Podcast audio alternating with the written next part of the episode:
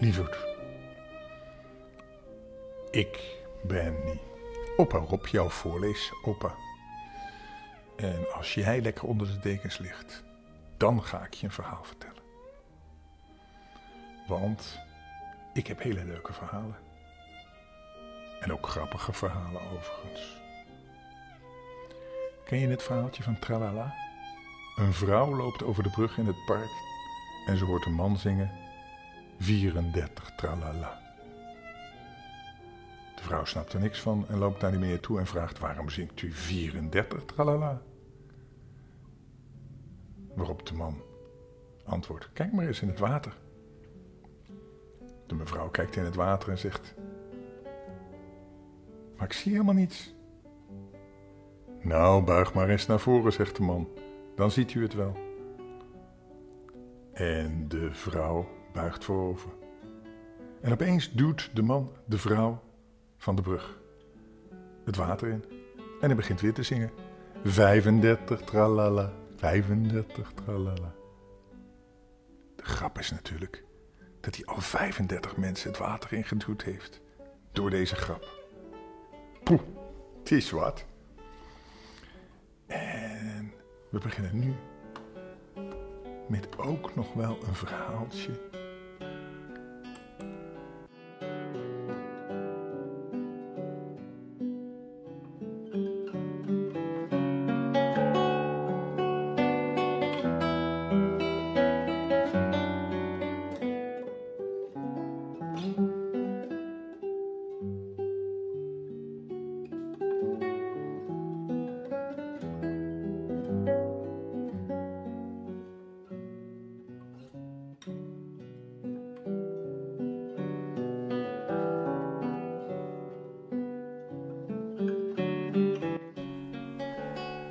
Is een bijzonder verhaaltje. Het koekmannetje. De Gingerbread Man. Gingerbread, dat is Engels. Het is dus een Engels verhaaltje. Een sprookje. Lang geleden leefde er eens een oud vrouwtje en een oud mannetje. Ze woonden met z'n twee in een heel oud huisje. Kinderen hadden ze niet. En daarom maakte het oude vrouwtje op een goede dag een mannetje van koek. Ze gaf hem een jasje van chocola en knopen van nootmuskaten.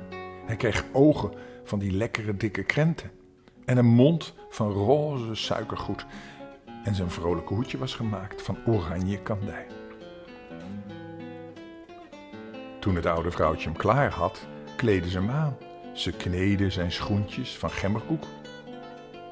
Mooi in de vorm. En ze deed hem in de pan. Ze schoof de pan in de oven en deed de deur dicht. En toen ging ze op een stoel zitten en zei: Ziezo, nou heb ik eindelijk een jongetje voor mezelf. Toen het koekmannetje klaar was, deed ze de overdeur open en haalde de pan tevoorschijn.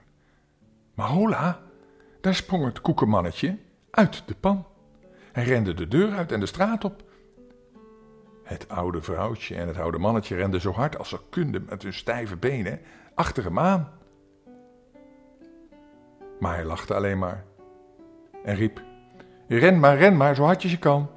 Mij kun je niet krijgen, mij, de koekenman. En inderdaad, ze konden hem niet meer krijgen. Het koekenmannetje rende verder tot hij bij een koe kwam die langs de weg stond. Stop eens, koekenmannetje, zei de koe. Ik wil jou best opeten. Maar het koekenmannetje lachte en riep: Ik ben op de loop voor een vrouw en een man. Zie maar dat je me krijgen kan, als je dat tenminste kan. En toen de koe achter hem aankwam, keek hij achterom en riep: Ren maar, ren maar, zo hard je kan. Mij kun je niet krijgen, mij koekenman. En inderdaad, de koe kon hem niet krijgen. Het koekenmannetje rende verder en verder tot hij bij een paard kwam dat in de wei stond te graven. Alsjeblieft, stop even, koekenmannetje, zei het paard. Je ziet er zo lekker uit. maar het koekenmannetje lachte hardop. Hoehoe, hoehoe, hoehoe, riep hij. Ik ben op de loop voor een koe en een vrouw en een man. Zie maar dat je me krijgen kan, als je het kan. En toen het paard achter hem aankwam, keek hij over zijn schouder. En hij riep, ren maar, ren maar, zo hard je kan. Mij kun je niet krijgen, mij de koekeman. En inderdaad, het paard kon hem niet krijgen. En na een tijdje kwam het koekemannetje bij een schuur vol dorsende mannen. En toen de dorsers het koekemannetje roken, probeerden ze hem te pakken en ze zeiden: Loop niet zo hard, koekemannetje. Jongen, wat zie jij er lekker uit. Maar het koekemannetje begon nog harder te rennen en hij riep: Ik ben op de loop voor een paard en een koe en een vrouw en een man. Zie maar dat je me krijgen kan, als je dat kan. En toen hij merkte dat de dorsers achterbleven, riep hij achterom: Ren maar, ren maar, zo hard je kan. Mij kun je niet krijgen, mij koekeman. En inderdaad, de dorsers konden hem niet krijgen. Het koekemannetje rende harder dan ooit. Hij rende en draafde tot hij bij een veld kwam vol maaiende mannen. Toen de maaiers zagen hoe lekker hij eruit zag, begonnen ze achter hem aan te rennen. En ze riepen: Wacht even, wacht even, koekemannetje. We hebben zo'n zin in je. Maar het koekemannetje lachte harder dan ooit en ging er als de wind vandoor. Oh oh, riep hij. Oh oh, ik ben op de loop voor een schuur met dorsers, voor een paard en een koe, voor een vrouw en een man. Zie maar dat je me krijgen kan, als je kan. En toen hij merkte dat de maaiers hem niet inhaalden, draaide hij zich om en hij riep: Ren maar, ren maar zo hard als je kan. Mij kun je niet krijgen, mij koekeman. En inderdaad, de maaiers konden hem niet krijgen. Toen werd het koekemannetje wel heel erg verwaand. Hij dacht dat niemand hem ooit zou kunnen vangen. En na een tijdje ontdekte hij een vos die dwars over de velden naar hem toe kwam. De vos zag het koekemannetje en begon te draven. Maar het koekemannetje riep hem toe: Mij kun je lekker toch niet krijgen. En de vos begon te remmen, rennen. Maar het koekemannetje ging er met een vaartje vandoor en gniffelde: Ik ben op de loop voor maaiers en dorsers, voor een paard en een koe, voor een vrouw en een man. Zie mij maar te krijgen als je kan. Ren maar, ren maar, zo hard als je kan. Mij kun je niet krijgen, mij koekeman. Schij toch uit, hijgde de vos. Ik wil je niet eens hebben. Wat moet ik met je?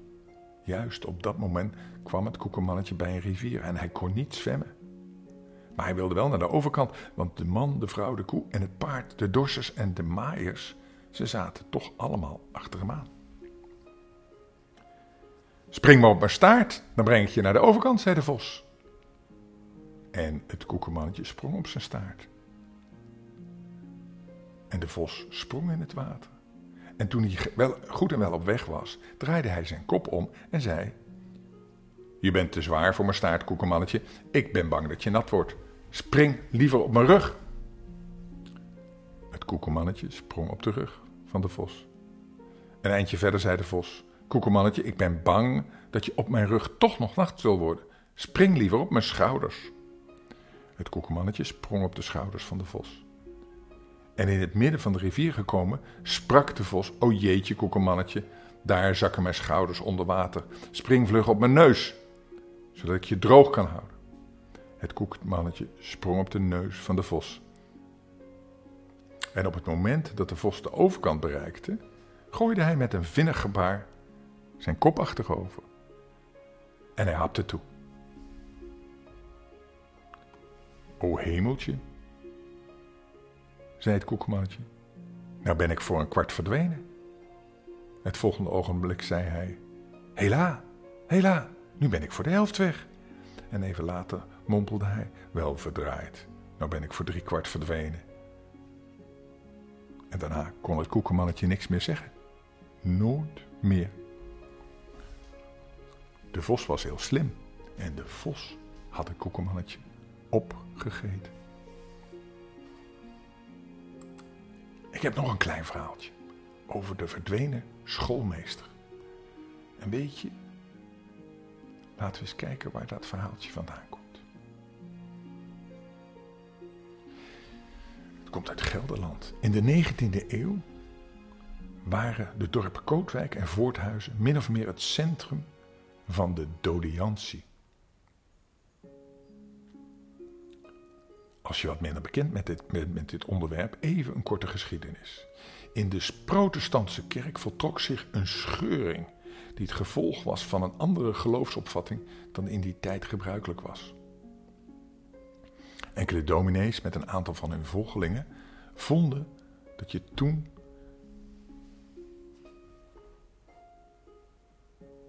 de gebruikelijke manier om te prediken niet meer in overeenstemming kon brengen met hun geweten. Ze stapten uit de kerk. En ze waren daarna wat je noemt dolende, zoekende, oftewel dolerend.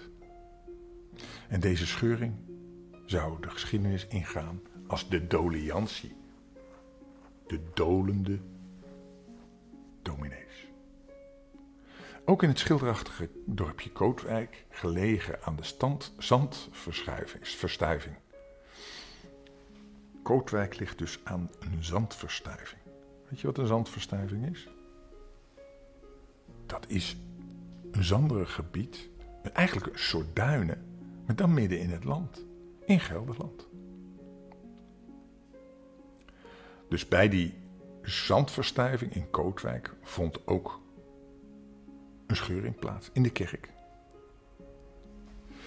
De plaatselijke dominee had een andere mening en hij vertrok als dolende dominee naar het dorp Nijkerk, gelegen aan de boorden van de toen nog open Zuiderzee. En de boorden is de kust van de open Zuiderzee. De volksvertelling verhaalt over een Kootwijkse schoolmeester die zijn oude dominee wel erg miste. En na overleg met zijn vrouw besloot hij daarom maar eens om de dominee in het Verre Nijkerk met een bezoek te vereren. Nu moet je weten dat een fiets in die tijd of een auto in die tijd helemaal niet bestonden. Fietsen waren wel door de Fransen uitgevonden, maar in de onherbergzame deel van de Veluwe, ja, daar waren ze natuurlijk niet. De meester had uitgerekend dat de afstand ongeveer een slordige 20 kilometer was. Dus als hij te voet zou gaan, betekende dat een heenreis van 4 uur lopen als hij stevig doorstapte. En natuurlijk gold dat ook voor de terugreis. Hij berekende dat hij ongeveer drie uur op bezoek zou blijven bij de dominee om te praten. En dat de hele operatie ongeveer 11 uur in beslag zou nemen. Dus, omdat het net september was, kon dat allemaal nog bij daglicht. Vol goede moed vertrok dus de bewuste schoolmeester op de geplande dag al vroeg in de ochtend richting Nijkerk. Maar hoewel de dag helder was begonnen, kwam na ongeveer een half uur een dichte mist opzetten. En hoewel hij het volste vertrouwen had dat hij de goede weg inslag, raakte hij toch van het juiste pad af. Of beter gezegd, van het juiste karrespoor. Nu was in die tijd met die zandverstuivingen een pad ook wel lastig. Want ja, als er zand overheen stuift, dan zie je het pad niet meer. Dan raak je het spoor bijster. Dan raak je de weg kwijt. Maar misschien was, het, was de meester ook wel zo in gepeins verzonken over zijn ontmoeting met de dominee, dat hij niet oplette en dat hij het gebaande pad gewoon verliet. Wie zal het zeggen?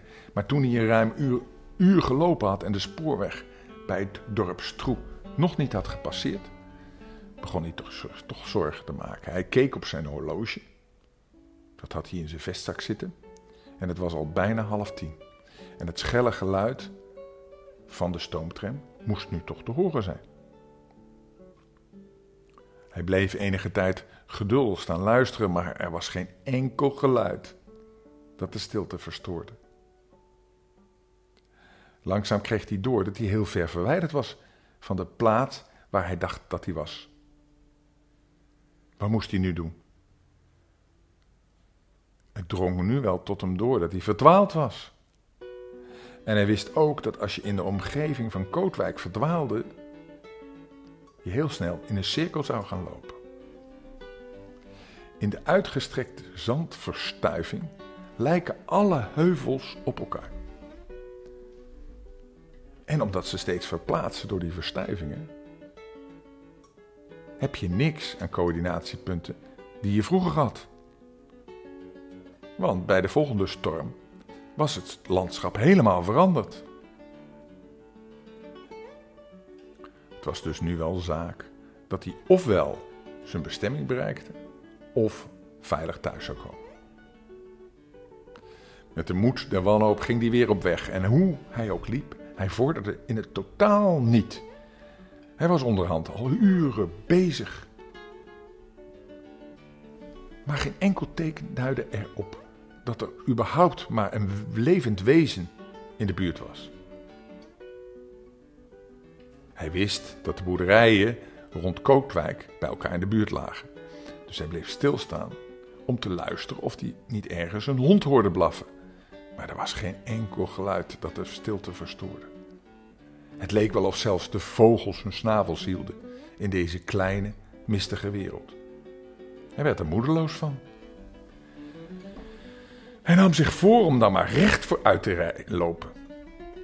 Maar wie regelmatig in een bos en een veld loopt, weet dat je benen nooit gelijk vooruit gaan.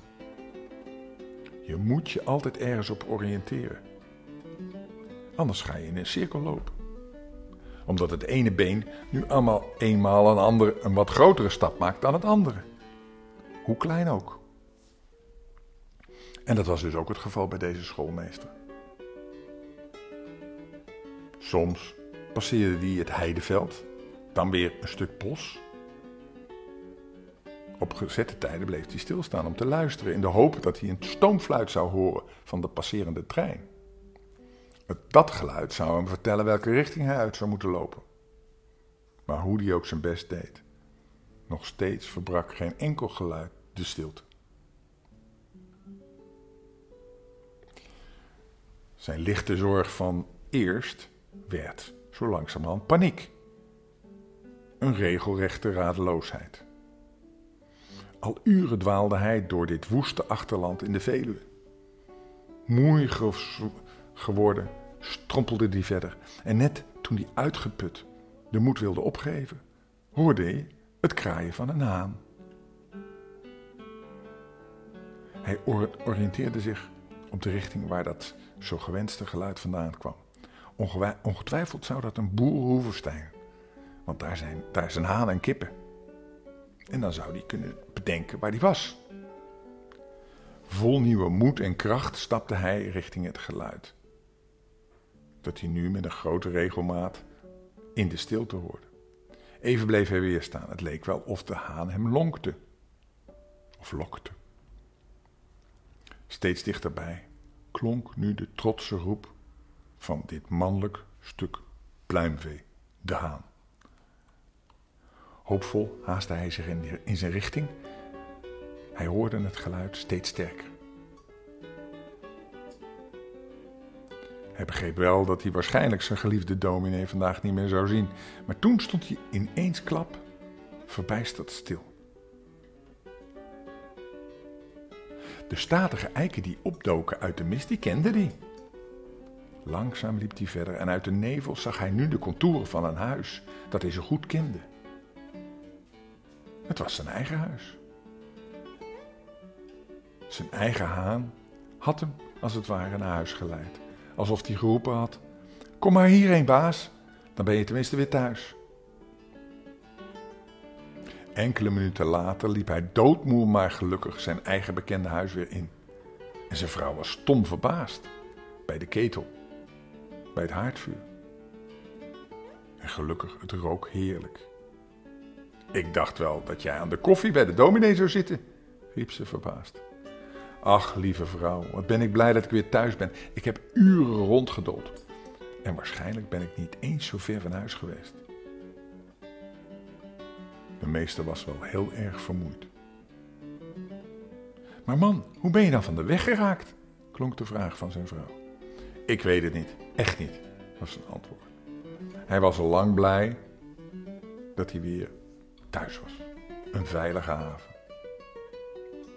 En de haan, die eigenlijk op het punt stond om te worden geslacht, mocht zijn oude dag slijten om het huis.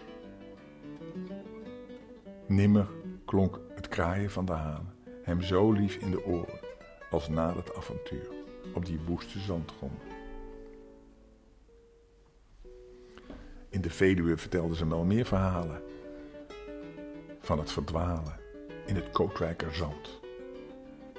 Want ja, die zandverstuivingen, die geven steeds een ander, toe, een, een ander, uh, een ander landschap. En daar kan je verdwalen. Het is een anekdote, maar het is wel leuk. Want uiteindelijk zoekt de auteur zijn dominee. Maar hij vindt hem niet, maar wel zijn thuis. En eigenlijk is dat veel belangrijker. Nou, zullen we nu maar weer lekker gaan slapen? Tot morgen, hè? Welterusten. Dag. Ik hou van jou. Droom maar van de haan. Of heb je geen haan thuis? Nou, ik heb wel een haan. En dat is altijd heel mooi thuiskomen. Dag. Welterusten.